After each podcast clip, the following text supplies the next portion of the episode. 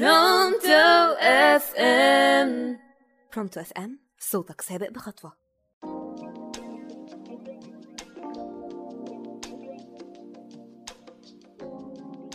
إزيكم؟ وحشتوني. عاملين إيه؟ معاكم ايرين يا أمير من برنامجكم لحظة أمل على راديو برونتو أف إم.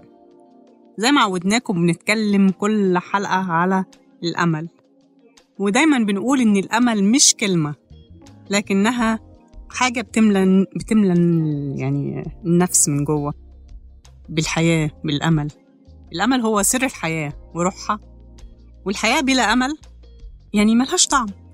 الأمل هو السعي إلى تحقيقه. الحياة من غير أمل بتبقى شبه بالمستحيل. لأنك بتفقد شعورك بإنك تعيش بلا فايدة. الأمل بيسندنا في المحن. وبيدينا الدافع لتكملة حياتنا.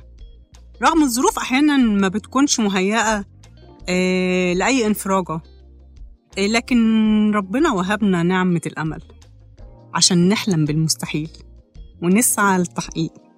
بكل قوة. الأمل ده حاجة جميلة. الأمل ده هو نور الحياة. هو الوقود اللي بيشعل فينا الحياة وبيدب فينا حماسة الحياة. عشان نحقق كل ما نريده. كل واحد مننا لابد وإنه يكون مر بالكتير من تجارب الفشل والإحباط والآلام وشعر للحظة وإن الحياة توقفت عنده. وإنه يعني ما عادش عنده أي فايدة من الاستمرار. لكن فجأة يبرق الأمل في أعماقنا مثل سحابة محملة بالمطر على صحراء الروح. الأشخاص اللي بيميلوا دايما بيملوا أنفسهم دايما بالأمل دول دايما يعني بيفضلوا شباب. يعني بيحس إن هو ما كبرش. مفيش حاجة عنده اسمها نهاية. عنده طموح عايز يحققه باستمرار. مش بيبص لسنه ويقول لا خلاص أنا كبرت. لا أنا ما يعني أمل إيه اللي أنا هعيش عليه؟ لا. ده ناس كبيرة قوي في السن عدت الستين وطلعت معاش. وما زال عندها أمل في تحقيق أحلامها.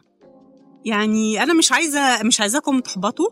أنا عايزة دايما إن إحنا يبقى جوانا دايما أمل. دايما يبقى عندنا نولد جوانا دايما لحظة نعيش عشانها. وأخيرا هتوحشوني وكان معاكم إيريني أمير من برنامجكم لحظة أمل على راديو برونتو أف أم.